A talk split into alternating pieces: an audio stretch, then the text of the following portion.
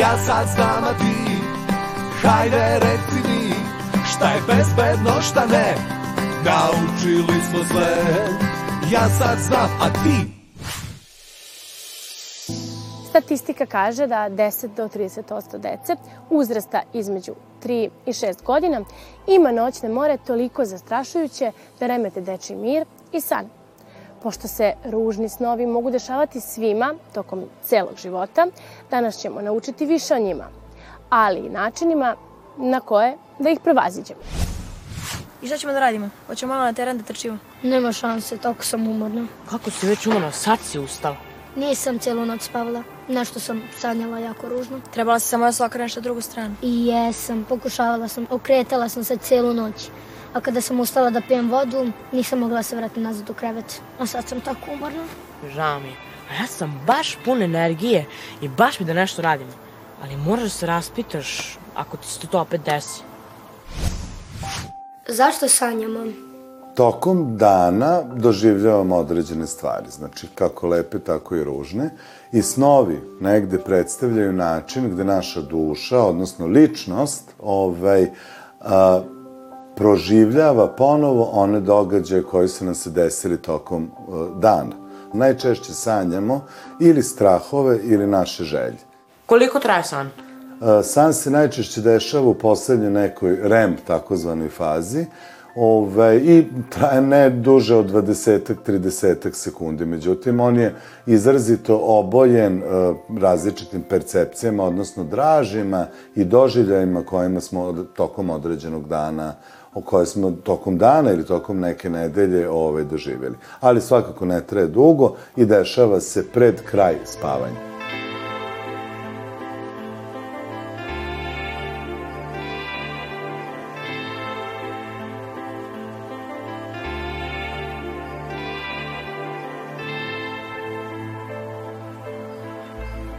Zašto povremeno imamo nemirne snove? Da li postoji način da se probudimo i da prekinemo košmar?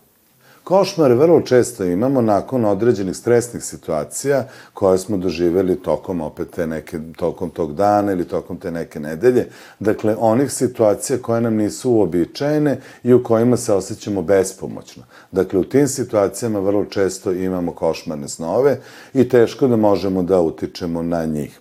Ono što je važno je opet i da razgovaramo o tim sanovima, da li sa roditeljima, drugarima, prijateljima i da podelimo ovaj, sve to šta se nama tu noć dešavalo.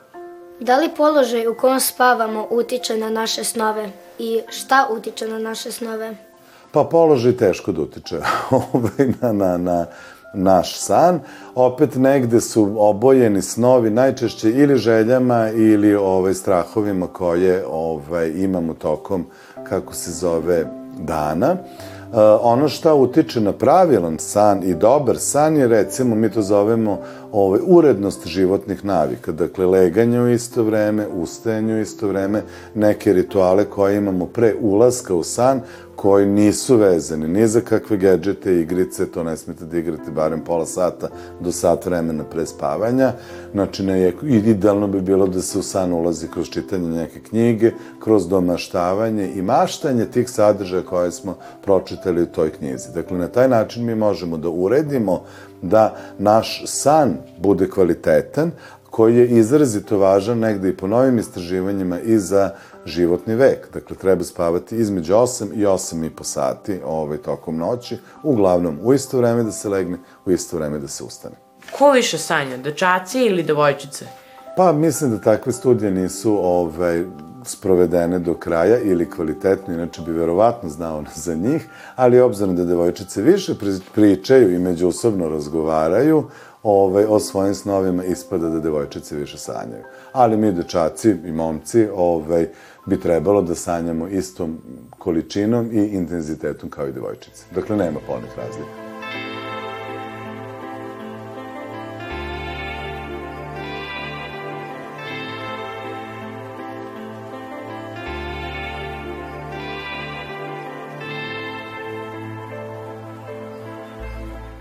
Šta možemo da uradimo da mirno spavamo?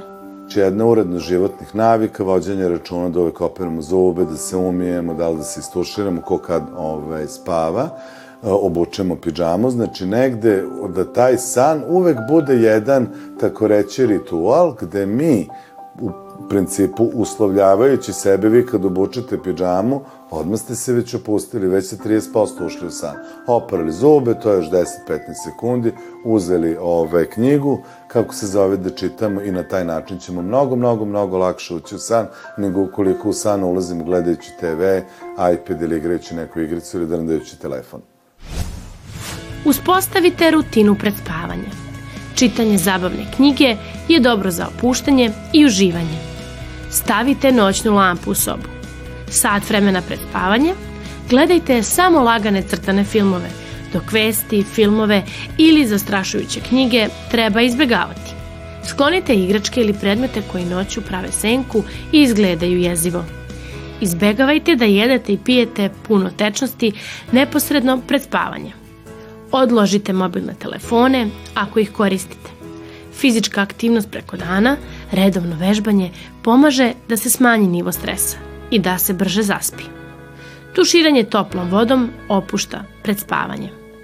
Ne ostajte do kasno uveče, već stvorite naviku da idete u isto vreme na spavanje. Školskoj deci je potrebno 10 do 11 sati sna. Naučnici smatraju da nakon 10. godine života noćne more bivaju ređe. Ipak u uzrastu od 12 godina češće ih imaju devojčice nego dečaci. Nadamo se da ste pažljivo slušali i da ukoliko vam ovi saveti ikada zatrbaju, znaćete tačno šta treba da radite. Ja sad znam, a ti Hajde reci mi Šta je bezbedno, šta ne Naučili smo sve Ja sad znam, a ti Aktuelno, informativno, korisno, zabavno. Jesen na radio televiziji Vojvodine. Na radiju, televiziji, telefonu, kompjuteru, svuda sa vama. Vaš RTV. Dosta mi je više. Umorna sam. Znaš ti koliko je sati? Spava mi se. To se ne javljaš. Ne buljim u telefon, čitam lektiru. Ko su ti ti prijatelji? Ne mogu više ovog ćaleta. Danas sam bila u školi. A što te zvala razredna? Kažnjena si. E, a ko je ona sad pa da mi zabrani da izlazim? Ma ništa mi nije zanimljivo. Nosit ćeš ti meni džakove. Ne mogu više ovo da izdržim. Da nije ta suknja prekrat. Meni se tako sviđa. Na šta ličiš? Pa mi fali. Znači, kako smar. Sredi taj haos u sobi više. O ne, opet počinju.